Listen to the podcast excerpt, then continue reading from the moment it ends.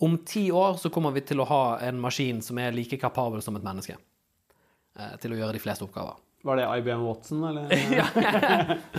For de som ikke vet, så er IBM Watson uh, burning heap of trash, men um, det Diplomatisk. Uh, men uh, Der har vi hooken. I denne episoden så skal vi innføre litt struktur i Støttehjulets podkast. Vi skal dele opp i tre forskjellige spalter. Det blir en eh, del om hva har vi gjort i Støttehjulet siden forrige gang. Eh, Hva er kanskje planene fremover. Vi skal også snakke litt om eh, selskapet jeg driver, og selskapet Håkon driver. Og så skal vi over til hoveddelen av dagens podkast. Vi skal intervjue en gjest og snakke om et veldig veldig aktuelt tema, nemlig AI. Men dette er jo med en kar som drev med AI før AI var kult. Faktisk. Det er verdt å merke seg. Faktisk. Ja, eh, støttehjulet. Eh, to ord om hva vi er, Mikael. Ja, Vi, vi kaller, eh, kaller oss jo Støttehjulet av en grunn. Vi er, vi er et investorkollektiv, men enten tidligere eller nåværende gründere. Som ønsker å støtte opp eller tilby noe nytt eller noe annet til startup-miljøet i Norge. Og støttehjulet skal jo gjerne være mer enn bare en investering. Det skal være hjelp med at vi har stått i samme problemer selv, eller eh, vi har noen muligheter for å komme ut av noen problemer, etc. At vi faktisk ofte står i dem samtidig Ja. eh, med de vi også etter hvert skal investere i. Ja. Eh, Det er litt verdien. Så vi har jo Nå er vi vel en kollektiv på rundt ja, 12, 13, 14. Eh, Skal vi gå gjennom litt stats på medlemmene? Er det, hva er kvinneandelen? Uh, de skal ha en bedre port kvinneandel i porteføljen. Er det noen som ikke er født på Østlandet? Ja. Ja, Det er han som er her i dag, eller? Uh, nei, og så nei, jeg er jo født her. Ja, og der var gjesten vår Brede. Uh, eh, nei, Sigbjørn Nome i Ignite, han er fra Alta. Ah, fra Alta. Ja, ja. Så vi, det er godt representert. Det er Og vi er eh, Nei, men, det er, men helt seriøst, det er jo ganske mye bakgrunner. Det er noen som har bygd uh, selskaper i Myanmar og Thailand. Uh, til legeklinikker, til hotellkjeder, uh, til tech-startups. som både har lykkes og feila. Vi bygger jo mer enn bare et investeringskollektiv, så vi har jo til og med fått det på nettside. Det er Ja. Ikke verst. Støttehjulet Stottehjulet.com. Og Vi har også satt opp en Discord-gruppe, Discord Community, eh, som egentlig hvem som helst eh, kan bli med i. Eh, Hvor målet er egentlig å dele learnings, erfaringer, failures fra livet som gründer. Eh, Og alle de som er med i vårt kollektiv, i hvert fall veldig innstilt på å dele og bidra. Eh, Så der er det bare å bli med. Og ikke minst så er den discorden også eh, ikke bare for å, dele at vi skal dele, det er jo for å faktisk samle likesinnede. Det er eh, mange, mange som bare er interessert i hvordan er det man starter et selskap. Altså Det kan være det praktiske, til hvordan er det man finner en god idé, til hva gjør man hvis man har en god idé. Disse tingene er supert å få samla mennesker inn i samme sted. Jeg kunne gjerne hatt det selv da jeg starta. Eh, Men det kan også være mange der ute som ikke egentlig er interessert i å starte et selskap, men som kunne tenkt seg å lære litt. Så heng dere på. Podkasten er jo eh, Vi har én episode ute frem til denne slippes. Ja. Eh, Vi har foreløpig mest eh, følger Jeg tror vi kjenner navnet på de fleste som har lytta til den. eh, og dermed så har vi også en høy andel av femstjerner på denne første episoden. Veldig bra. Jeg tror det er fem stjerner. Det er fem stjerner. Målet der er å komme med en podkast annenhver uke, hvor vi både har uh, gjester, vi har uh, kanskje noen temaer som vi tar opp uh, selv, eller vi har bruker da noen fra Støttehjulet. Eh, vi skal også ha gjester utover det. Og så kan vi jo si at vi har Hvis vi tar noen kjappe highlights, da, siden sist så har vi jo etablert investeringsselskapet, eller det er vel under etablering. Vi har da fått opp nettsiden, som du nevnte. Eh, og så har vi jo da kommet opp på et eh, ganske bra antall medlemmer. Vi har jo bare siste, uke, siste par ukene fått inn tre-fire nye, tror jeg. Yep. Og der er det jo, anbefaler jeg jo for de som lytter, å ta en tur innom nettsiden, for der står det en beskrivelse av medlemmene. Eh, og så er det selvfølgelig å komme seg inn på discorden. Og nå er vi jo klare til å ta imot pitchdecks fra de som henter penger der ute. Tipper det er noen andre. Vi er vel begge i pengeinnhentingsmodus for tiden. Og Stemmer. vi er ikke alene om det. Så vi er allerede i gang med å vurdere uh, våre første selskap. da. Mm. Det er, ganske, det er, ganske, spennende. Er, Mikael er bull på alt. så det er veldig gode muligheter for alle som skal ut og hente penger. Eh, men heldigvis så har vi også med noen litt kritiske røster i teamet. Så vi skal nok finne formen. Eh, men det er et par utrolig spennende caser vi ser på nå. Ja, og jeg er veldig, stort sett veldig positiv. Og så begynner jeg å se på Excel-arket. Og da er ikke alltid jeg er, eh, holder på det samme. Jeg er jo altså, først og fremst økonom. Jeg er først og fremst optimist. Ja. Og så eh, kanskje sekundært økonom. Så jeg, jeg liker jo å være nøye også, jeg, og ikke det at jeg mener at et Excel-ark eller tallene skal bestemme alt sammen. Men, men, ofte så vil jo tallene også fortelle en liten historie om eh, hva man prøver å få til, og hva ambisjonsnivået hvor ligger problemene. Mm. Men når jeg hører gode ideer, så blir jeg ekstremt engasjert. Og det er jo grunnen til at jeg har starta for mer enn ett selskap, og jeg er ganske sikker på at det blir flere òg.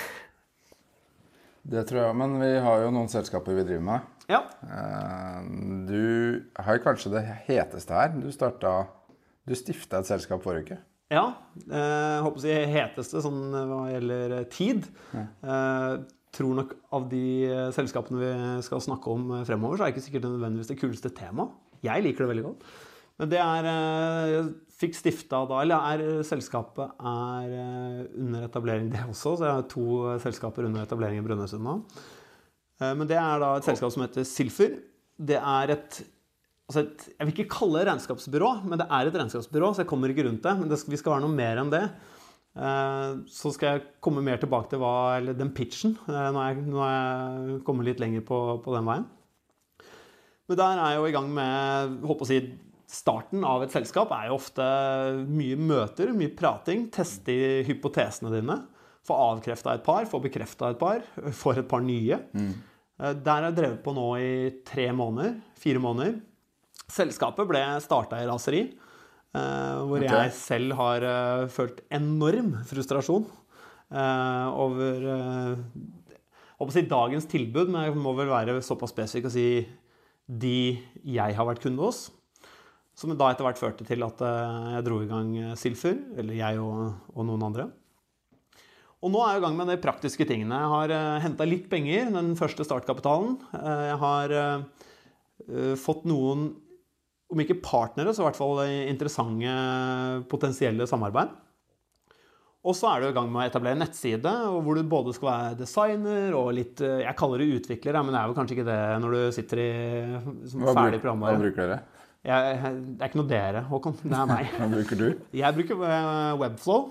Nice. Um, og så vet jeg det er mange som kritiserer litt Noten, men jeg vet ikke, det, det så penest ut. Jeg er en sucker for bra design så er liksom LinkedIn-siden akkurat oppe der. Det er veldig, veldig ferskt, da. Så eh, det er vel egentlig highlights. Hva med deg, Håkon? Uh, nei, vi er litt lenger på vei i Vouch. Uh, men uh, man kan jo gå inn på vouch.no og se hva, mer, hva det er. Men har, det kuleste nå er at vi lagt på vei av closa en fundraising. Det er jo en øvelse Det er jo en krevende øvelse, egentlig. Jeg har fått ut investor updates fra, på de nye investorer signert tilbudet fra oppstarten fra Innovasjon Norge. Så vi er jo sikra fundingmessig. Det er jo en sånn byrde som letter. Det er jo helt åpenbart. Uh, så samtidig så har vi pusha ut masse marketingkampanjer.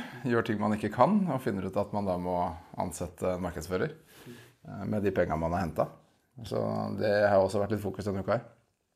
Jeg fikk jo kritikk fra den nye gjesten vår her på at den lukta litt GPT av den stillingsannonsen. Så jeg må inn og fikse på den til uka. Var det berettiga? Ja. det var det. Uh, can you spice up this uh, boring Så det skal jeg aldri gjøre igjen. Um, nei, så, Men vi skal få en markedsfører som kan hjelpe med det. Det er egentlig det som er hensikten. Uh, å hjelpe å spre ordet. Uh, så ja, så det skjer jo mye. Masse salgsmøter, uh, mye aktivitet. Eh, Så gjorde vi en generaltabbe og shippe en relativt sånn mild stor produktrelease fredag klokka fire. Eh, Det skal man ikke gjøre, nødvendigvis. Eh, I hvert fall ikke når man hele tiden er på farten fra fire og utover. Så vi hadde jo ikke en, opp, en funksjonell side fram til midnatt natt til fredag. Så det taper man jo inntekter på. Men man lærer så lenge man lever, Mikael. Move fast and break things. Ja. Men jeg liker jo den mentaliteten, da. Jeg liker ikke Vi har jo snakka mye, alle sammen, tidligere om hvordan du kan ihjelteste ting. Eh, og aldri få ting i markedet. Eh, og det er ja, Alle her har jobba inn, vært toucha i målesektoren, og der er det jo sånn. Eh, når du driver en webapp, så er det ikke like stor kritikalitet. Så vi kan leve med det, selv om vi sikkert mista et par tips i løpet av fredagskvelden. Eh, ja, det er, eh, det er min uke. Mye spennende. Kult. Og så er det jo viktig å si at det er mye spennende, og så er det veldig mye som ikke er spennende. For det er jo ikke sånn at alt er revolusjonerende av det man gjør. Altså om det er øh, en produkt, produktrelease er jo ganske kult. Men det er jo å skrive stillingsannonser er ikke nødvendigvis det morsomste. Eh, Nei, det- Selv ikke når du outsourcer det til den billigste medarbeideren din. Men øh, Og jeg må si at det er å stå fast med masse kjedelige ting, men også så er det de rareste ting som er morsomt. Jeg syns plutselig det var kjempegøy å skrive en stillingsannonse, for da følte jeg at nå er det et selskap som er oppe og gå.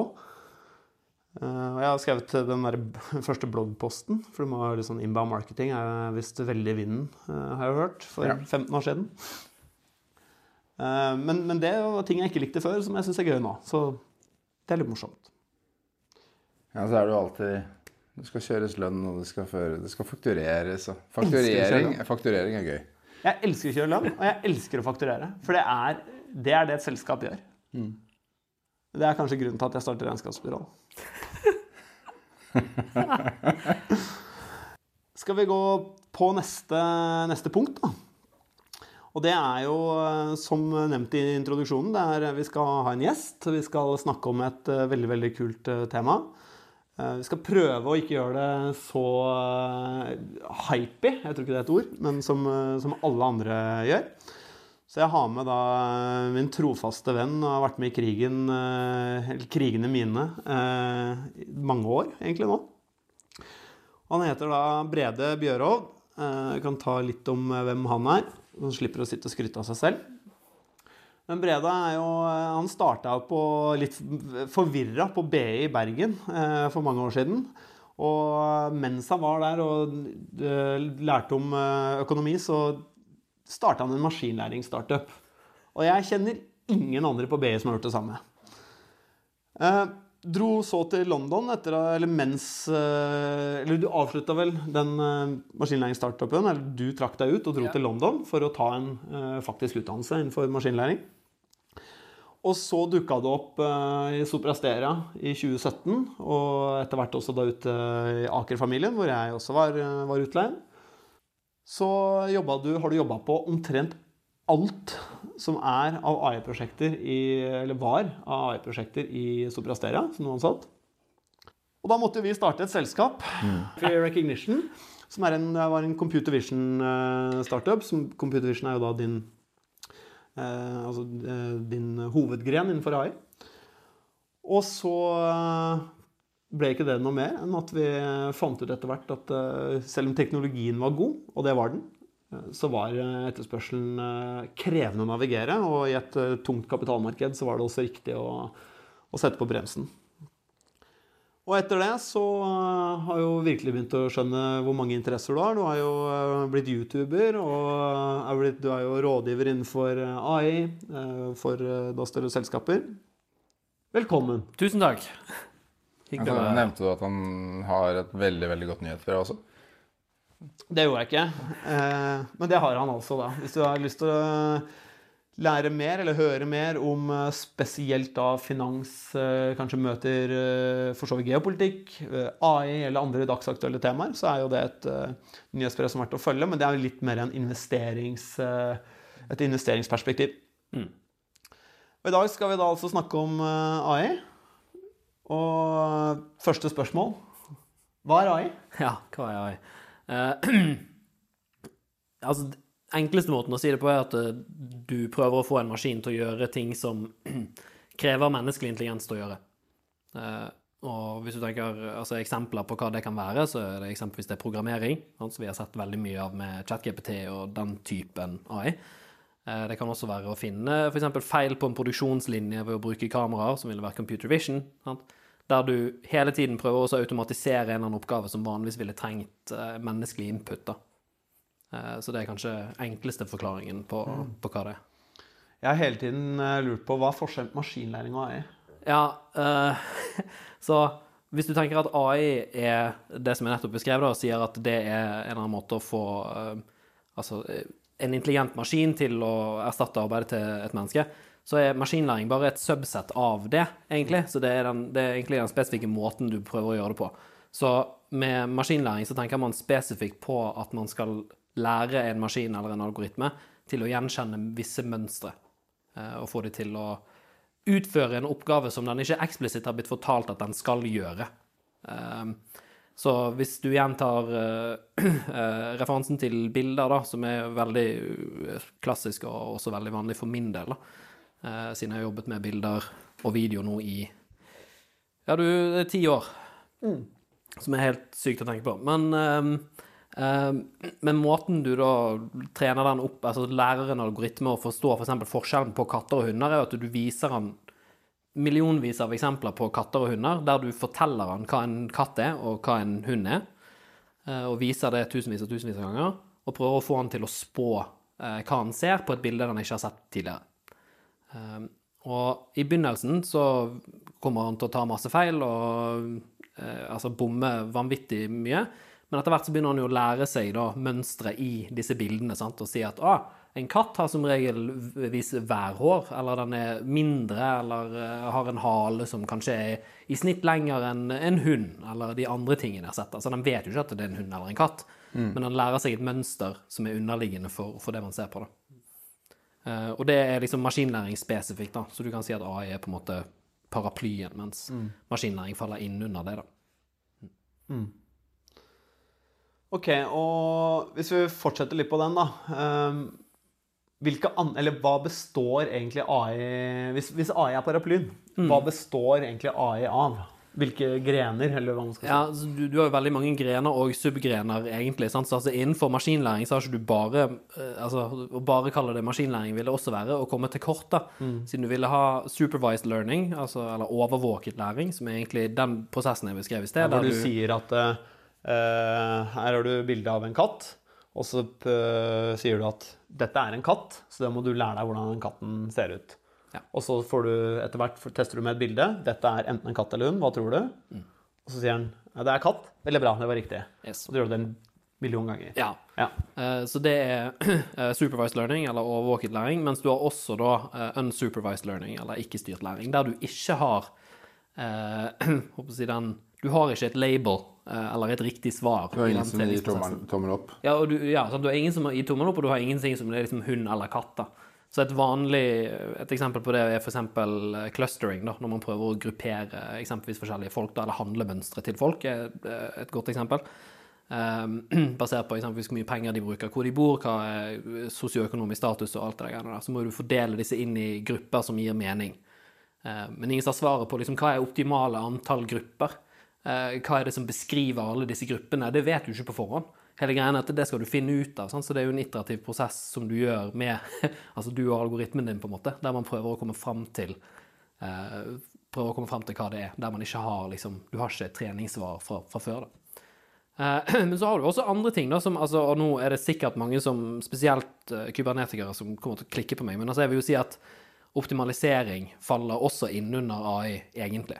Um, som da er altså på noen former for spørsmål eller utfordringer, så vet man det finnes et matematisk 100% korrekt svar.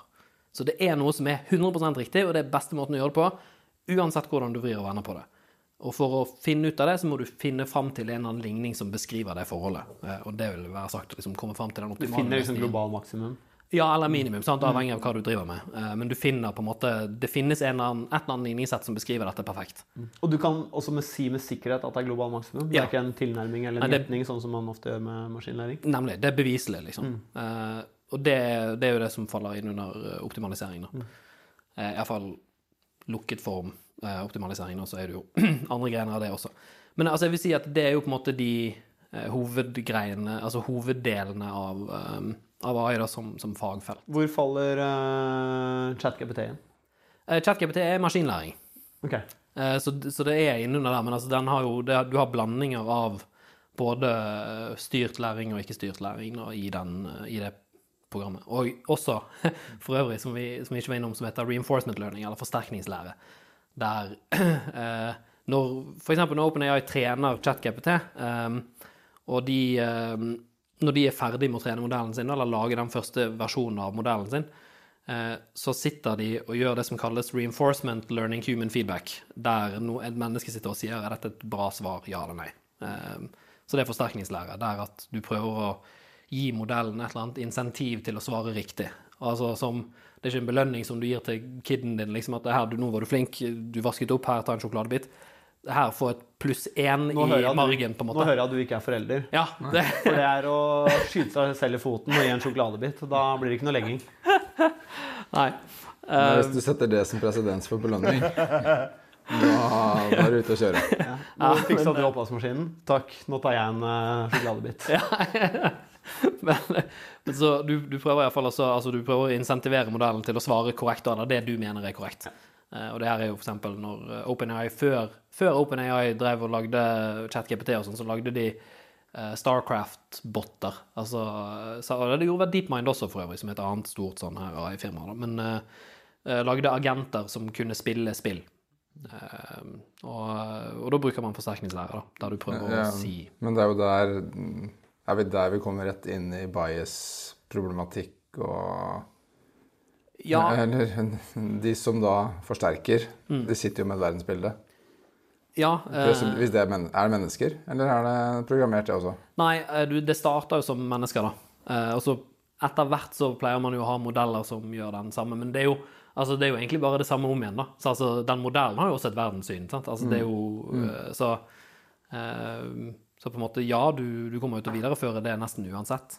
Eh, men altså, du er inne på noe, på noe interessant da med altså, bias, og, eller slagside, som Norske språkråd prøver å kalle det. Å ja, er det det, er det ordet? Jeg har lett etter det i mange år. Sånn KI, kunstig intelligens og slagside. Um, men um, eh, men de mener i hvert fall altså at det- altså det, det blir jo fort videreført, da, eh, fra uansett hvem det er. Men jeg tror, det, altså jeg tror det er veldig vanskelig å komme seg til et sted der man ikke har bias i det hele tatt. Uh, altså for de som ikke nødvendigvis er så kjent med faget, da, så betyr det at man påfører eksempelvis et uheldig eh, verdenssyn på en av disse algoritmene. Da. Så for eksempel Amazon hadde eh, en algoritme som skulle gå gjennom CV-ene til, eh, til folk de fikk inn, pga. de mente det kom til å, til å skape en upartisk ansettelsesprosess, sant? der et menneske ser ikke på dette, så hva kan problemet være i i det hele tatt? Og vi skal ikke se på navn eller noen ting. Eh, Men allikevel da, så viste det seg at algoritmen endte opp med å diskriminere mot kvinner, så den ansatte mer menn. Sant? På grunn av modellen har også en slagside. Sånn, Så Ja, men bra det ikke gjelder oss i støttehjulet, Altså. ja. Men så, er det jo også det at gjerne hvis modellen er trent opp på data som Amazon allerede har, og det jobber flere menn i Amazon fra før av, så er det det den blir vant med å se etter. Så eh, det, liksom, det blir jo gjentagende mønstre om igjen og om igjen. Så, så ja, den lærer seg våre feil. Ja, på en måte. Økosystemet i AI. Altså, I hvert fall hvis vi tar det fra et forretningsperspektiv.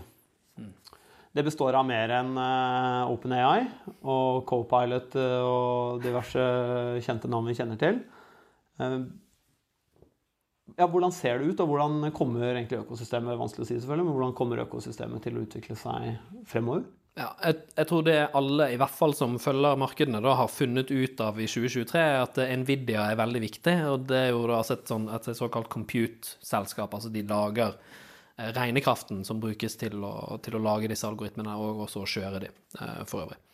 Eh, og Da er ikke det snakk om at sånn, å, du har et skjermkort fra Nvidia på laptopen din, på en måte, du kan trene ChatGPT. Nei, nei. Det er snakk om du har 350 000 eh, store GPU-er fra, fra Nvidia. Nå kan du trene ChatGPT. Det koster deg bare 15 milliarder. Når GPU da er en uh... Ja, det er Graphical Processing Unit, som da altså et, eh, altså et skjermkort som sitter i altså som egentlig, altså Nvidia startet jo som et grafikkselskap. At de startet med å skulle lage eh, deler til PC-er, egentlig. Og så i 2013 så fant CEO-en Jensen Huang ut og at nei, vi er et AI-selskap, pga. han så at det her kom til å bli veldig stort. da. Ja, Det det, var var også, det var vel også et Web3-selskap før det. Okay. Ja, men, men det er jo bare sånn pga. du skal selge flere ting. Men, men det har jo blitt Du kan si de har blitt optimalisert for det samme, da, og det er å kunne gjøre flere ting samtidig. Altså parallel computing. eh, som er essensielt for, eh, for kunstig intelligens. da. Så du kan si du har, du har den delen av det. Det er ikke bare Nvidia som eksisterer her, men du har iallfall den rene kraftbiten, da. Som er ett steg av det. Så har du jo hele datasenterbiten som også kommer innunder, innunder her, da. Men der har du, finner du også veldig mye annen teknisk opplegg, som altså nettverking og sånne ting som det er. Da. Så du har på en måte en, du har en hel hardware et helt hardware-segment av, av hva AI er, eller iallfall som er AI-enabling. Så du kan si sånn, du kan bruke um, Du kan jo bruke produktene til Nvidia selv om du ikke driver med AI. Mm. men du kan ikke drive med AI, iallfall ikke effektivt, uten å bruke Nvidia. Så det er på en måte en litt sånn der uh, og samme med nettverk og sånn. sant? Du trenger nettverk for å kunne ha et datasenter som driver nettsidene våre, eller som overfører data frem og tilbake i skyen og sånn som det der, men, uh, men det blir litt Altså, du, du, du er nødt til å ha det for å gjøre AI i tillegg, liksom, av det er store datamengder, eller modellene du trener er så store at eh, det er mye som må flyttes fram og tilbake. Eh, så har du da eh, plattformsiden av det. Så altså hvis vi da tar neste steg fra hvor går vi etter hardware, så det, eh, vil jeg si du har plattform etter det. Så da kan være leverandører som eksempelvis Microsoft, mm, Amazon AWS, eh, herregud, Google Cloud, og egentlig altså alle skyleverandører, da. Eh, som lar deg hoste eller utføre, altså bruke andre tjenester de har i sin sky til å tilgjengeliggjøre AI-tjenester til andre folk. Eh, Så, så ja, det, det er jo en del av det. Og så i tillegg, etter det, da, så har du på en måte de som er AI as a service, som er på en måte selve AI-selskapene, da. Eh, Så her vil du fi- finne f.eks. OpenAI, som er, lager masse Altså de viktigste foundation models som blir laget nå, lages jo av OpenAI. Eh, Men så har du også da Meta, f.eks., eh, lager sine egne store språkmodeller, eller large language models, eh, gjennom Mist Nei, ikke Mistral, å si. Lama heter de modellene. Um, og så har du Mistral, da, som lager modellen Mistral. Eh, Men så er det, jo, det, er jo, det er jo selvfølgelig masse andre startups og selskaper som jobber med AI på, måte, på andre måter, men det er jo spørsmålet hva er det som er AI first eller AI only, eh, og hva er det som er måte bare del av en eller annen større forretningsstrategi, da. Men av selskaper som liksom er ja, si, du, du kan enk, altså Hvis du skal enkelt prøve å fordele dette inn i liksom en kvadrant av tre-fire forskjellige buckets, da, så er det liksom disse, da. Hva, hva med alle disse appene og startupene Nei, altså, det- som ligger her eh, under dette igjen? Ja, altså da vil vi si det er et steg videre fra AI as a service, sant? på grunn av du i prinsippet så leverager, eller du, du tar jo i bruk alle de andre stegene, eller alle de andre bøttene du har snakket om, eh, for å kunne lage denne appen din, da. Eh, Ja, og de lager jo ikke sine egne språkmodeller. De Nei. drar vel på GPT4 eller Ja, sant, siden, altså det der å skulle, å skulle lage sin egen sånn språkmodell, ja, det er svindyrt. Altså, ikke bare trenger du sånn, ok, du skal ha hardware, nå tenker du sånn, ja, men det kan jeg leie. Sant? Så ja, det kan du. Du kan leie den av Microsoft eller av CoreWeave eller noe sånt som det er, sånn, som har kjøpt inn masse GPU-er fra, fra Nvidia allerede, så du slipper å tenke på det. Og der er jo, det er jo på et datasenter, sant? så det er jo tatt hånd for deg og alt det der nettverking og sånn. Men det betyr jo ikke at det er billig. sant? Altså Det er jo sånn, det er fire dollar, det er fire dollar per time da, for én sånn, GPU-time. Uh, og det er én GPU, sant? og så tenker du sånn hm, Ja, jeg skal trene denne modellen min over en uke, uh, og jeg skal ha 20 000. Uh, skal ha 20 000 GPU-er for å gjøre det. Det blir fort veldig, veldig dyrt. Så jeg tror du skal være sikker på, på en måte, payoffen på den appen din før du kjører i gang. Eh, men jeg vil si det, liksom, det kommer som en egen greie under der, da. Men bare for å dekke liksom, de største tingene. i hvert fall. Hvorfor allmannseie-greie nå? For å ta første delen av det, da, hvorfor har det blitt en stor hype nå? Så er det også bare å si det at det har vært hype før. Eh, og da, sånn, når jeg begynte i 20... Altså Når jeg begynte å jobbe med AI, og når jeg begynte å se på det for første gang, eh, da sånn i 2014, gang rundt der, da også var vi på sånn ah, nå har det skjedd masse innenfor maskinlæring spesifikt. Da. Nå har vi liksom fått uh, nye algoritmer som klarer å gjenkjenne objekter bedre enn det vi mennesker kan, da, med høyere treffsikkerhet. Uh, så det også var en sånn Det var et veldig stort øyeblikk, da. Men før det også har det vært flere sånne uh, AI booms and busts. Eh, og den første var på 50-tallet. Sånn 1956.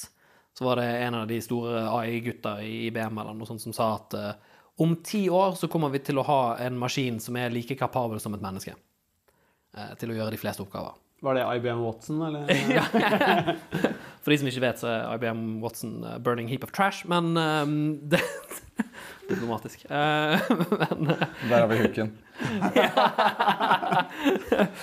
um, men um, Men så vi har hatt flere sånne hype cycles, da, om du kan kalle det det, um, innenfor dette fagfeltet. Da. Men en av de store tingene før eh, som, som, vi har nå, da, som vi ikke hadde da, det er jo nettopp det vi har vært innom nå, det er regnekraft. Sant? Altså at du har massive mengder regnekraft. Og for ikke å snakke om massive mengder data. Altså Datamengdene du har, er jo sammen, altså, sammen med dataene, da, er jo det kanskje det, er det viktigste. Eh, For før, før, internett var det kanskje ikke, det var ikke helt det samme? Nei, ikke helt det samme. Og så når du kan tenke at sånn en Eh, hva, hva var liksom, hvor mye ram hadde du på PC-en din på 90-tallet? Liksom 4 megabyte, eller noe sånt? Altså, det er jo, det er jo ikke mye. Det var harddisken, ja. Men jeg hadde sånn jeg hadde eh, på en sånn gammel Compact-maskin 128 megabyte ram, og det var sånn Wow, det er ganske bra, bro. Liksom. Jeg vet nøyaktig hvilken maskin det var. Jeg ser den for meg. Fantastisk maskin. Men, uh, men ja, altså, jeg tror, jeg tror det um, Altså, det, det, har veldig mye å si, da. Uh, for at vi har kommet eh, der som vi har kommet nå. Eh, og jeg tror noe av det som skal til for at vi kommer videre, er egentlig mer av det samme. Og det er litt sånn skummelt å si, egentlig. Um, men også, jeg tror også vi trenger nye algoritmer, men det kan vi ta etterpå. Men, men du ser nå Jeg vet ikke om dere har fått med dere, og det kan være noen av de som, dere som hører på, ikke har hørt sett det heller, men OpenAI slapp en helt ny modell i, i går eller i forgårs som heter Sora, som driver med videogenerering. Og mm. det som har vist seg der, da, er at jo mer hestekrefter i form av beregnekraft du hiver på den, jo bedre blir den. Sant? Altså sånn, og det, det, er ikke, altså det, er ikke, artig å se på engang. Sånn Basismodellen eh, når han prøver å lage video, ser ut som det marerittet er laget av. Det er bare enkle former som driver og eh, sant, hopper rundt og ser helt forferdelig ut. Men jo mer GPU-er eller eh, ja, sånne her grafikkort fra Nvidia du hiver på, jo bedre blir det. Så hvis det da er sånn at Det er input-output, eh, et lineært forhold mellom det? Nei, altså, og, og det, det, er viktig. Det er ikke lineært. Uh, men, men, det viser da at jo mer regnekraft du har, jo bedre blir det. Som er dritskummelt for absolutt alle som driver med AI uh, og prøver å lage nye algoritmer og ikke har masse cash. Altså, altså det her er sånn Det, det er faktisk det verste marerittet. Men så, OK, så i tillegg til det, da, du må ha masse regnekraft, men du må også Eh, ha evnen til å overføre all denne dataen fra et sted til et annet. Som er et kjempeproblem nå, pga. du ser at modeller som f.eks. ChatGPT da, er veldig store i minnet. Altså at de okkuperer mye plass på en av disse GPU-ene. da. I tillegg til at de selvfølgelig tar inn og spytter ut ganske store mengder data, iallfall over tid. da. Um, så for å få til det altså En av flaskehalsene der er jo nettverk, da, siden det er det som brukes til å overføre uh, data på en god måte. Så, er det nå vi bør komme en sånn disclaimer med 'This is not financial advice'? For jeg mistenker at du er investert i et sånt selskap? ja, altså, jeg er jo det, men, eh, men ja, det, det, er not financial advice. Jeg hadde ikke tenkt å nevne det engang før du jeg kan si det nå. Uh, men ja, altså, jeg, jeg ser iallfall på det her som, som, en av de store flaskehalsene. Da har investert deretter, pga. jeg tror resten av markedet også kommer til å se at dette er et stort problem. Uh, når du er nødt til også I hvert fall nå som Sora kommer, da, så tenker jeg sånn det er jo enda større behov for det, egentlig, pga. du må overføre Altså, tenk så mange gigabyte liksom, som må gå uh, ikke bare på tvers av GPU-er, men som også skal vises til deg som forbruker på en eller annen måte. Da. Altså, det er jo ikke, det er ikke bare bare å sende flere gigabyte med video over internett. Liksom. Det, det, virker kanskje som en selvfølge, siden du er så vant med det. Du har, mm. du, du, har, opplevd det på den måten, men det er ganske mye infrastruktur bak alt det der, altså. Um, men så er det algoritmene igjen, da.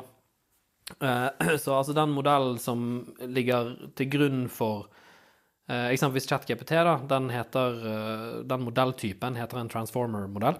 Eh, og forskningsartikkelen til den kom i 2017 og het uh, 'Attention is all you need'. Av, skrevet av Google, for øvrig, eller Google Brain. Uh, eller folk som jobber der, uh, hvis man er interessert i det. så snakker man liksom ChatGPT er sånn Pearl Harbor-øyeblikket til Google, men um, ja, det. det, er jo kanskje en annen sak. Men, eh, men så jeg tror, du ser jo på en måte at sånn etter, etter det da, så har ikke det skjedd sånn fryktelig mye nytt som har tatt oss like langt. Uh, uh, innenfor AI, da. Altså, det er jo mange ting som på en måte har gjort at du har blitt bedre på video, og sånn som det er, sånn Stable Diffusion, eksempel. eh, som ligger bak Midjourney når du lager alle disse bildene dine og sånt, Og Stable i- diffusion er da en annen type approach da, eller modell enn Ja, trans altså, det Transformers som er Ja. Så Stable Diffusion er altså en diffusion-modell, håper jeg, som brukes da veldig spesifikt for eh, video- og bildegenerering, mens, eh, mens en transformer egner seg best for enten tekst eller tidsserier. Vanskelig å ikke bli teknisk her, hører jeg. Ja, veldig. Men la oss dumme det ned litt igjen, da. Ja, det, kan kan- jeg, det kan jeg bidra med. det, det er min, min rolle i dag. Eh, øh, snakker, ja, disse modellene, GPT, det vi som forbrukere ser mest av denne AI-bobla, eller AI-feberen, det er jo nettopp det. Det er jo tekst, det er video, det er bilde. Eh, ok, man, det er jo utrolig kult hvis man klarer å spytte ut en stillingsannonse som ikke lukter GPT på et tidspunkt. Så, vi, så begynner vi å ligne på noe. Eh, men det er jo langt unna den enten dystopien eller uh, fremtids liksom sci-fi-videoene mm. som, vi, som vi har sett, eh, og som det snakkes om. Eh, roboter, roboter liksom Hvordan AI liksom tar over samfunnet. Det er veldig, Hvordan tar vi det fra, fra ChatGPT og en, en chatbot, en avansert chatbot fra oss som forbrukere, eh, til hva dette skal bli, eller hva det kan bli. Jeg tror, altså, jeg tror det har det- ba, Altså, øh, bare. At øh, bare ChatGPT på en måte har jo potensialet til å bli ganske mye større enn sant? Du beskriver det som en chatbot som vi som forbrukere ser, sant? Ja, men det, ja, nettopp. Men Det er jo ja. meg som enkeltperson på en Mac. Ja. Det er mitt forhold til dette. Og, og jeg tipper det er ganske mange sitt, sitt forhold til det også. Men hvis du ser inn i Altså, gå rundt om de største organisasjonene i Norge. eh, Og det her gjelder hvis det gjelder her, så gjelder det andre steder òg, selvfølgelig. Noe av det de snakker om aller mest, er sånn hvordan kan vi bruke eh, ChatGPT og generativ AI? sant? Og det handler jo om at å, jeg vil ha en variant av dette inhouse som kan lese dokumentene mine, f.eks. Som kan gi meg svar på, på det jeg lurer på, sånn at jeg kan forkorte antall timer som blir brukt på, på unødvendig arbeid, sant? med å bare stille et spørsmål til den. Så jeg tror det, det handler ikke nødvendigvis om at denne her eh, dystopien er nødt til å liksom oppfylles på en eller annen måte. Det er ikke sånn at the Terminator has to come true. Eh, jeg tror det er mer på en måte det der at du Vi er så sykt dyktige som mennesker til å bare uh, se for, altså flytte målposten videre fremover og fremover. fremover. Så det som var imponerende for to måneder siden, det er ikke nå lenger. sant? Og jeg tror det er akkurat det samme med teknologi og, innenfor arbeidslivet også. da. Så, men jeg tror det handler om adopsjon. da, altså At man stegvis uh, tar i bruk den nye teknologien som kommer, og nye variantene av det som kommer. Eh, men sånn, altså, hvor vi skal om i fremtiden, er jo utrolig vanskelig å si, da. Derfor du er her. Eh, jo, jo, men altså, når vi har Vi hadde jo tok inn en ekspert. Men sånn når det du Altså, vi, hvor lenge er det vi har hatt uh, ChatGPT nå? 18 måneder, eller et eller annet sånt som det? der? Det har jo skjedd ganske mye Ja. på de månedene. November 22? November, Oktober, ja. ja. ja. så Det var- Men eh, det er grunn til ja, er, det noe, er det noe du er spesielt bekymra for, Brede? Veldig, egentlig. Um, si, vi, vi snakket så vidt om det, men jeg syns jo Altså, Apple har jo sluppet disse her eh, Vision Pro-brillene sine, sant? Um, så jeg er jo litt sånn redd for at man ender opp i en situasjon der AI kan generere masse videoer for deg, og jeg sier ikke hvilke videoer nødvendigvis, men som du da sitter og bare konsumerer i disse brillene dine uten at du trenger å interagere med noen. Så altså, jeg tror eh, en ganske skummel ting med, med AI er kombinasjonsmulighetene med andre, med andre typer teknologi, og spesielt da teknologi som er isolerende. Eh, så eksempelvis da sånne som eh, altså Apple Vision Pro, sant, der du kan Når du nå kan se at OK, istedenfor at jeg, jeg ser en film på Netflix som egentlig er litt sånn samfunnsbyggende pga. vi tre kan snakke om det, vi har sett den samme greien Hvis en AI da som har sett alle verdens videoer, alle verdens filmer, eh, og i tillegg vet mine preferanser, lager en video som er spesifikk for meg, som jeg da kan sitte og se i denne her hulen min uten at jeg trenger å liksom interagere med et annet menneske ever. Eh, Det er dritskummelt for meg. Mm. jeg, boh, jeg syns det er ja, forferdelig.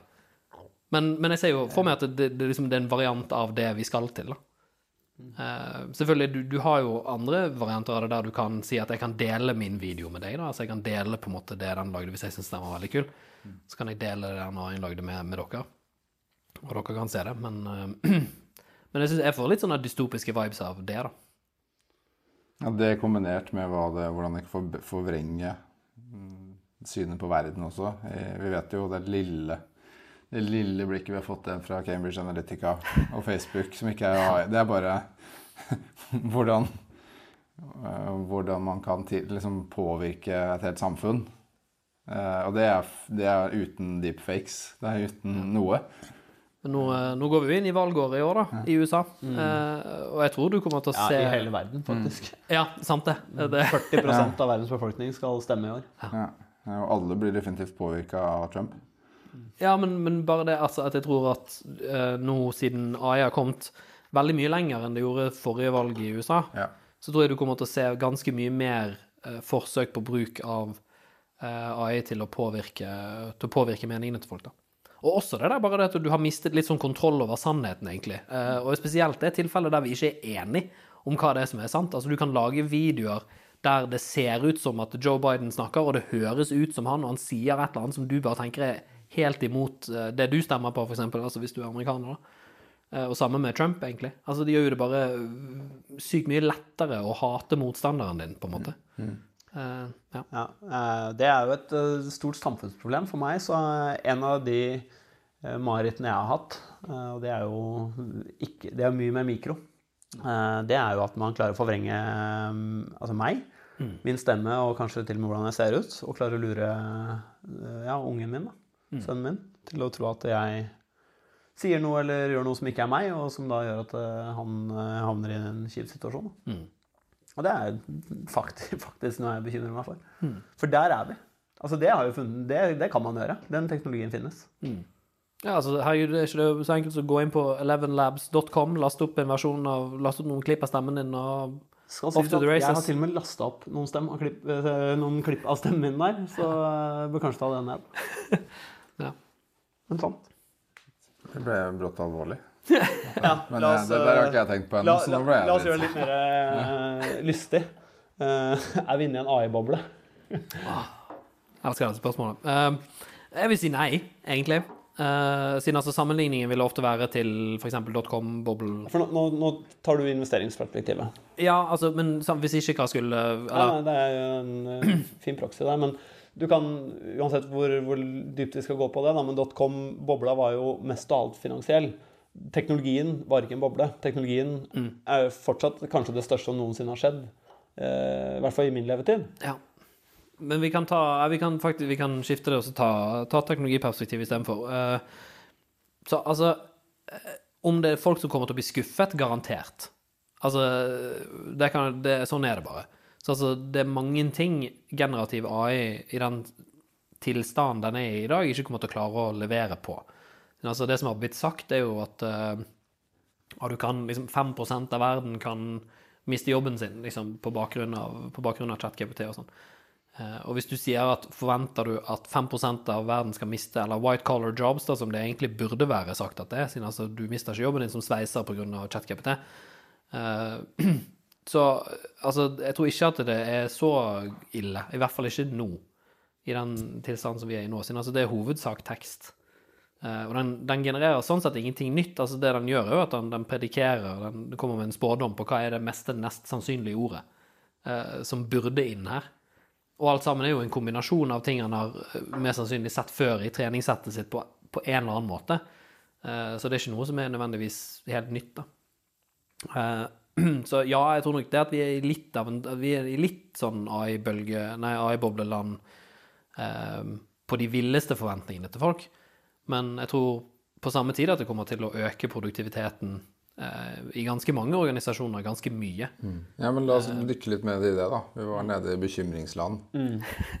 Og eh, Men du jobber jo litt som konsulent og rådgiver for bedrifter. Ja. Eh, som prøver, ønsker å lykkes med AI-strategien sin. Yes. Alle skal jo ha det også.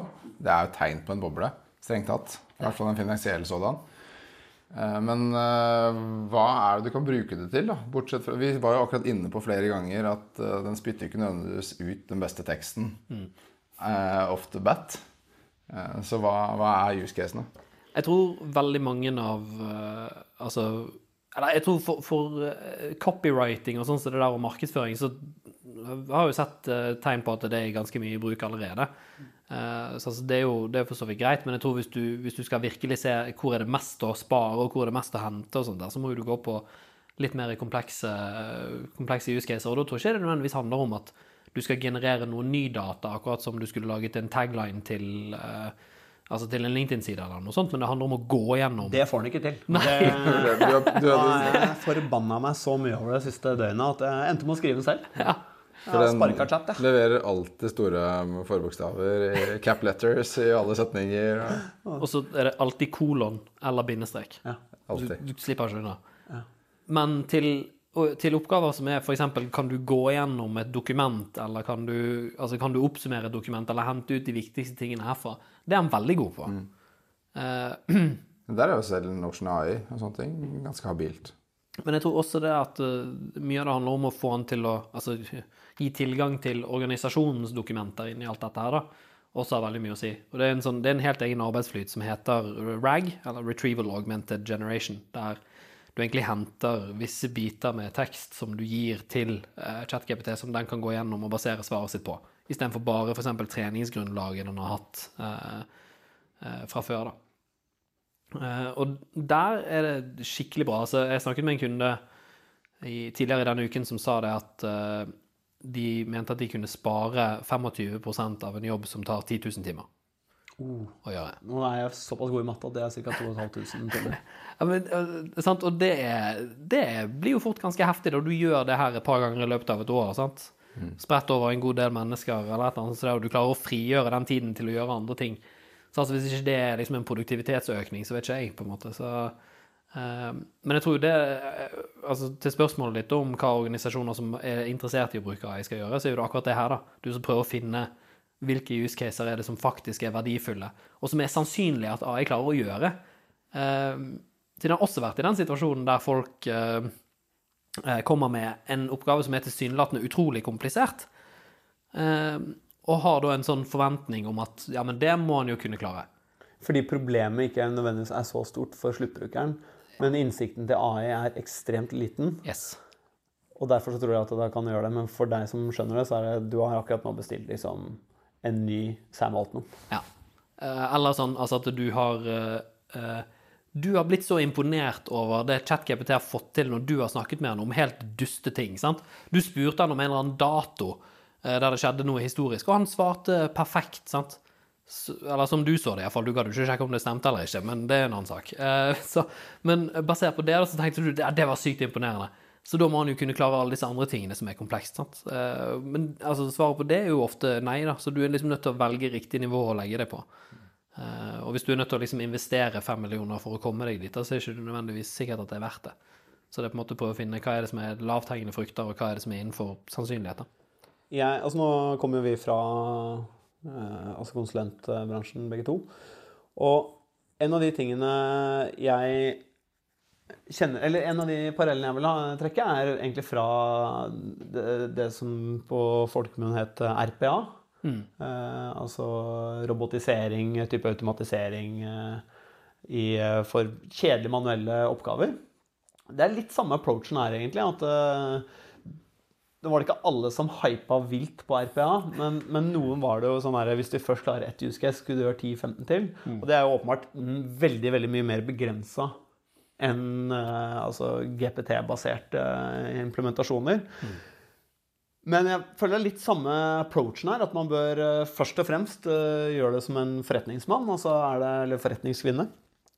gjør det er det, er det business case? Ikke gjør det bare for å gjøre det. Altså, AI er kult, altså, men ikke, ikke til enhver pris.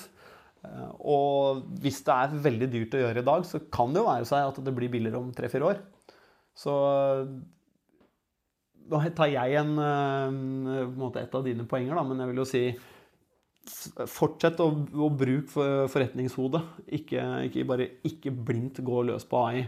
Fordi at det kan løse Hvis det er 50 timer eller 100 timer i året, og så skal man bruke f.eks. deg da, mm. til å skru litt på parametere og sette opp det her i Asher eller hvor man skal ha det, Det, det koster penger, det også. Ja. Eh, altså, jeg tror du er, eh, du er inne på den store tingen der. Jeg, altså, det er jo noe som jeg har sett om igjen flere ganger eh, som konsulent. At man ofte gjerne sier at jeg vil ha eh, AI bare fordi det er liksom the, the cool thing akkurat nå, så derfor, som, derfor må jeg ha det. Det er ikke nødvendigvis det at du vet hva du skal bruke det til, og du er sikker på at det kommer til å gi deg verdi. Men jeg tror det også igjen handler jo om at man ikke nødvendigvis har den kompetansen man trenger inhouse da, til å kunne gjøre disse vurderingene og disse beslutningene. Sant? Altså Det fint er at du så eh, Altså, du tok et kurs på YouTube eh, en kveld, liksom.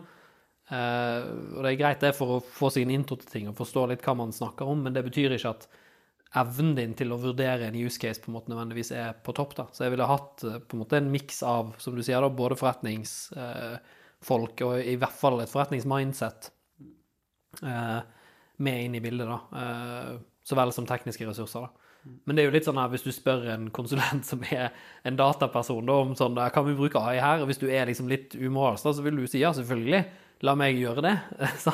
Så det er jo Men kirurgen vil alltid operere, og indremedisineren medisiner vil alltid gi eh, medisiner. Så. Ja, og sant? får jo you see is a nail, så Noe kan man vel stort sett gjøre. Ja, Kanskje ikke det man eh, ikke jobben. nei.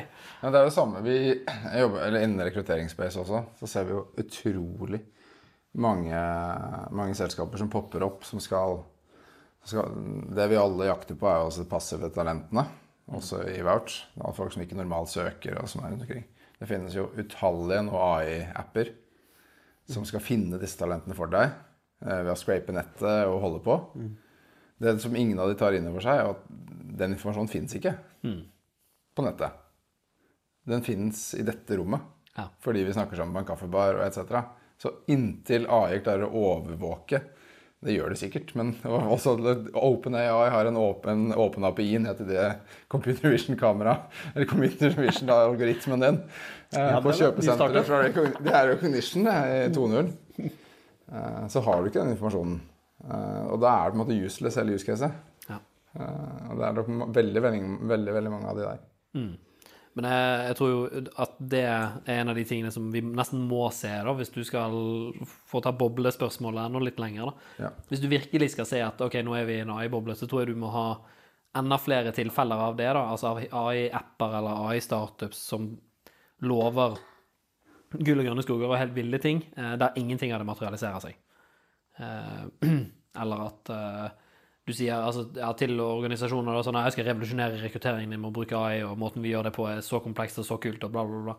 Og så ender du opp med at liksom, det blir samme greiene. Hei, det er Håkon fra Vouch, liksom. Ja. Og så har du en fin scraper av LinkedIn. Men det Ja. er på en måte så langt du kom. ja.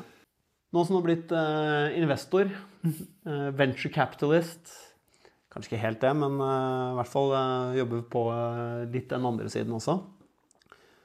Eh, alle er jo jeg, jeg vil tro at vi kommer til å møte mer enn ett AI-dekk. Hva er det du ser etter? Eller hva er det du i så fall ikke har lyst til å investere i? Ja.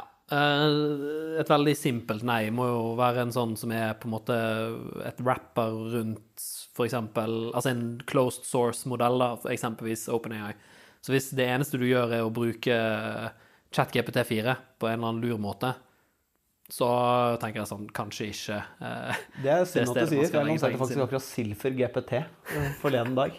ja, regnskaps-GPT. Der har jeg gitt den eh, litt informasjon, og så skal den svare på eh, mine regnskapsspørsmål. Ja, kult. Så jeg får ikke penger. Nei. um, nei, men altså, som er, altså startup som er, som er rent det, da, tror ikke jeg på en måte har Du er jo veldig utsatt for at uh, OpenAI kan uh, ødelegge businessen din på, på en dag, da. Um, Det så vi vel eh, for en par- par-tre måneder siden, da de lanserte GPT4.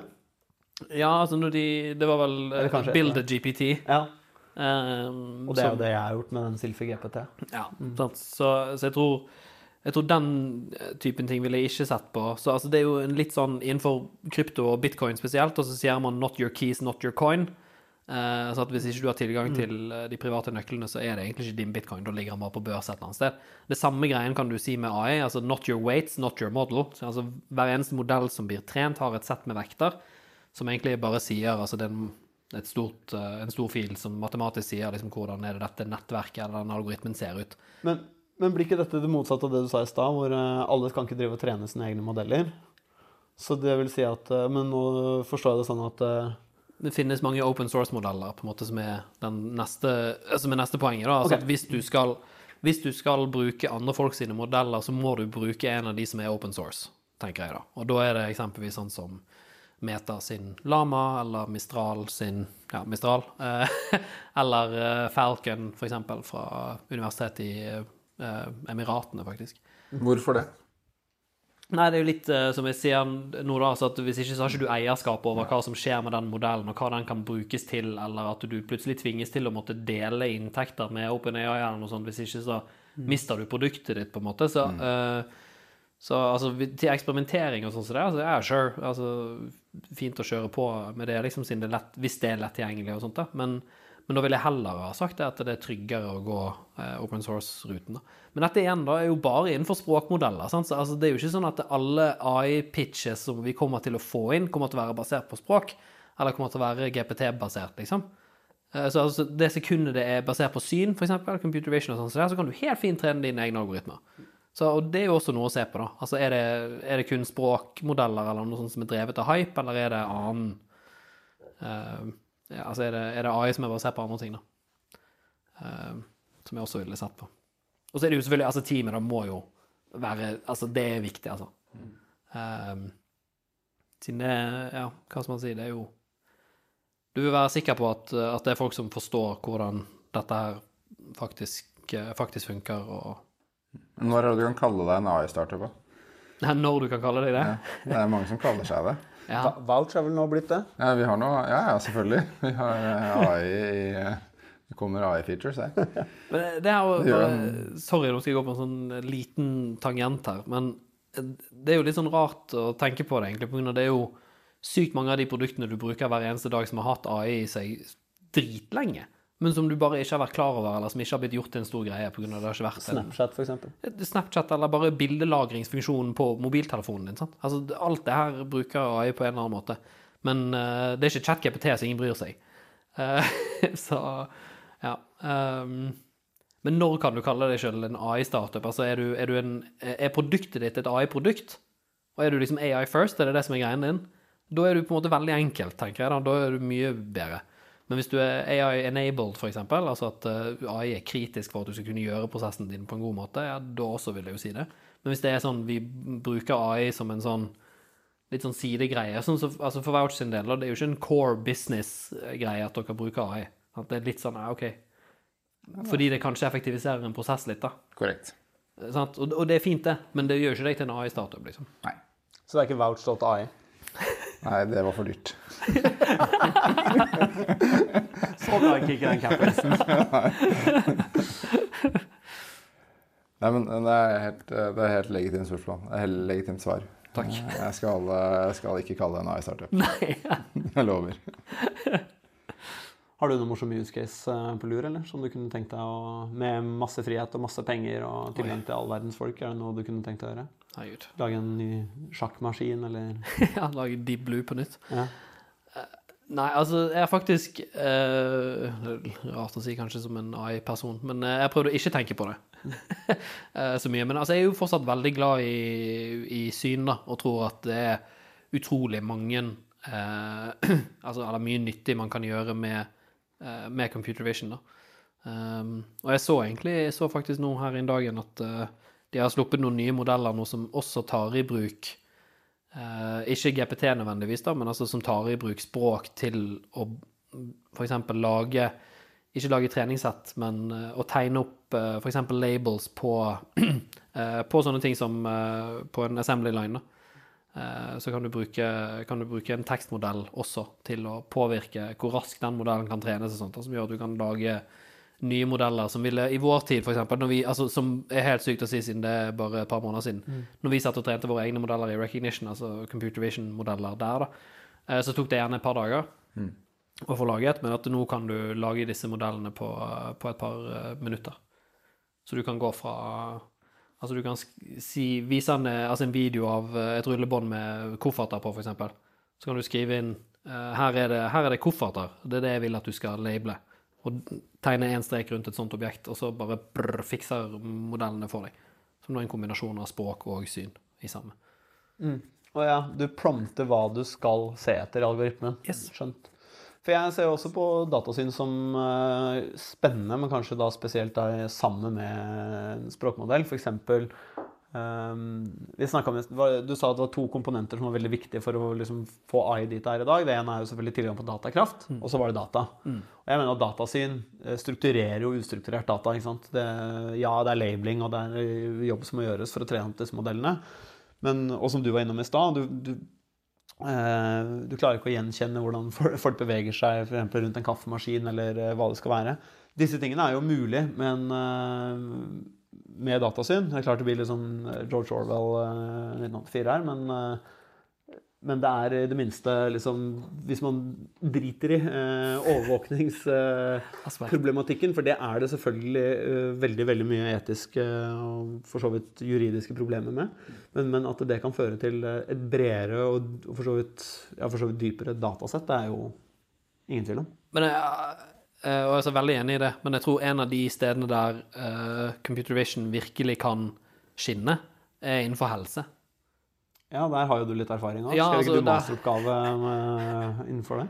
Jo, uh, så masteroppgaven min var hvordan gjenkjenne hiv og ebola fra sånne her Altså flyttester, samme som du tok covid-testene, egentlig. Siden der var hele greien at det var ikke Hvis du nettopp har blitt smittet av hiv eller ebola, så har ikke du antistoffer som slår veldig hardt ut på disse prøvene. Eh, Så det er vanskelig for deg som menneske å se, men for en datamaskin så er ikke det så vanskelig. Siden her kan du gjøre veldig mye behandling av eh, hvordan denne teststripen ser ut, til at det er lettere å få med seg et signal. Eh, Så jeg har gjort det, og det her ble jo da altså brukt i Sør-Afrika for øvrig, altså i sånne her skikkelig avsidesliggende strøk, da. For hvis man hadde en ebolaepidemi gående der, så er ikke det så mye som skal til før den spres. Så hvis du skulle testet den på vanlig vis, og du skulle sendt blodprøver på en måte til sykehusene, så tar det flere dager. Så det var greia nå at du skulle få svar innen 20 minutter. Uh, mens den andre var å jobbe med uh, organer, uh, der man får en CT-skann, egentlig. Som altså er egentlig bare en stabel med hundrevis av bilder, da. Av f.eks. hjertet ditt, eller av nyren din, eller leveren, eller noe sånt. da.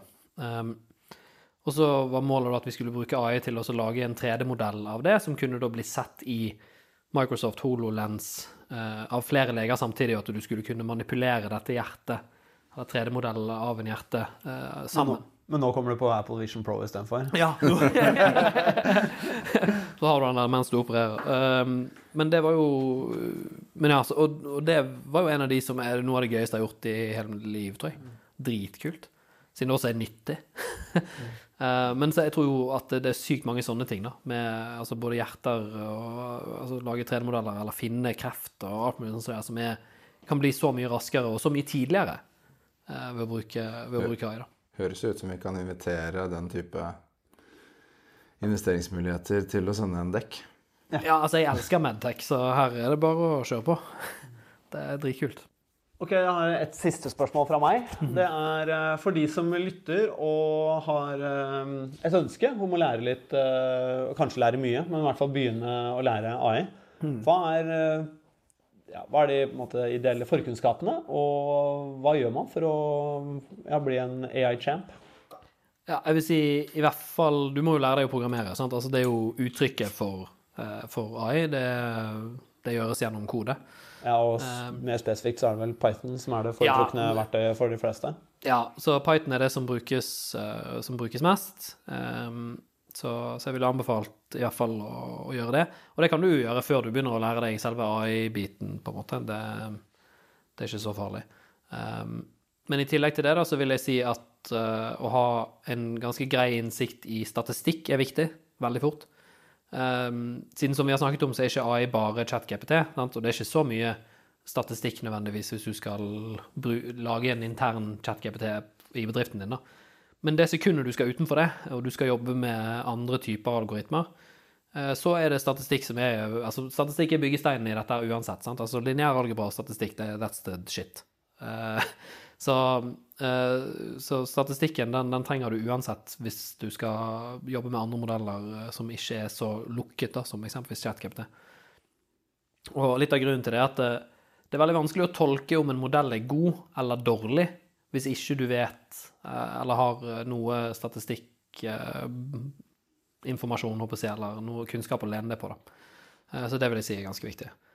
Også I tillegg til det da, så er altså, lineær algebra også også ganske viktig. Det handler både om å få ting til å gå raskere, men det er også en måte å forstå mer komplekse modeller, som eksempelvis nevrale nettverk, da, som er det ChatGPT er bygget av. Yes. Um, oppfølging da på Hvis du er som meg og litt for gammel til å gå tilbake til skolen, i hvert fall nå med barn hjemme og sånn, uh, og en del startuper, uh, er det noen uh, ja, lavterskelsteder å begynne? Er det så enkelt som å søke på YouTube, eller er det Det er faktisk det. Ja. altså, YouTube har uh, utrolig mye bra. Altså, det er jo også selvfølgelig Du har Udemy og sånne ting der det er gode kurs, uh, og det er noen folk som er skikkelig dyktige der. Og tar ting veldig sakte. En, en av de på Udemy heter José Portilla. eller José Portilla, som jeg brukte ganske mye. Shownotes. Mm. Vi legger til link i shownotes. Ja, ja. Uh, og så en annen som heter The Lazy Programmer, som er veldig dyktig innenfor dette. og Også er på Udemy. Uh, han tar da utgangspunkt i at du kan lineær algebra og statistikk allerede. Uh, men, men, ellers enn det så er jo YouTube kjempebra, egentlig. og Andrew Ung, som er liksom er massiv fyr innenfor har også dritmasse gode kurs som hjelper deg med å komme i gang med både intuisjonen, siden det er litt sånn det er litt intuisjon på noen av disse tingene her òg, eh, som også er veldig dyktig. Som anbefales å se. Har du, et, har du, et, siste spørsmål, Håkon, eller er du utlært? Eh, nei, jeg kan det meste nå. Men det var eh, Nei, takk. Det var lærerikt. Jeg vet ikke om jeg er bekymra, men jeg er teknologioptimist. Så jeg tror vi, det første vi skal gjøre, er å vi skal få en GPT i hvert, så det er mitt fokus akkurat nå. Ja, nice. Bruke de små use casene vi kan. Så håper jeg kanskje du kan utrette noe litt større ja. I, i konsulentvirket eh, med AI. Så takk for praten. Jo, takk det samme. Så hvis du likte denne episoden og har lyst til å prate mer om enten AI eller investeringer eller ja, rekruttering, hva det skal være Jeg kan ikke se for meg at det er så veldig mange som er keen på å snakke om regnskap, men hvis det er det, så hiv dere inn på discorden vår. Link eh, ligger i shownotes. Eh, du en, eh, har du en god idé eller tenkt å hente penger, kanskje ikke helt er klar engang, så er vi, vi er veldig, veldig interessert i å få det første pitchdekket. Vi er veldig klar for å, å hjelpe til tidlig.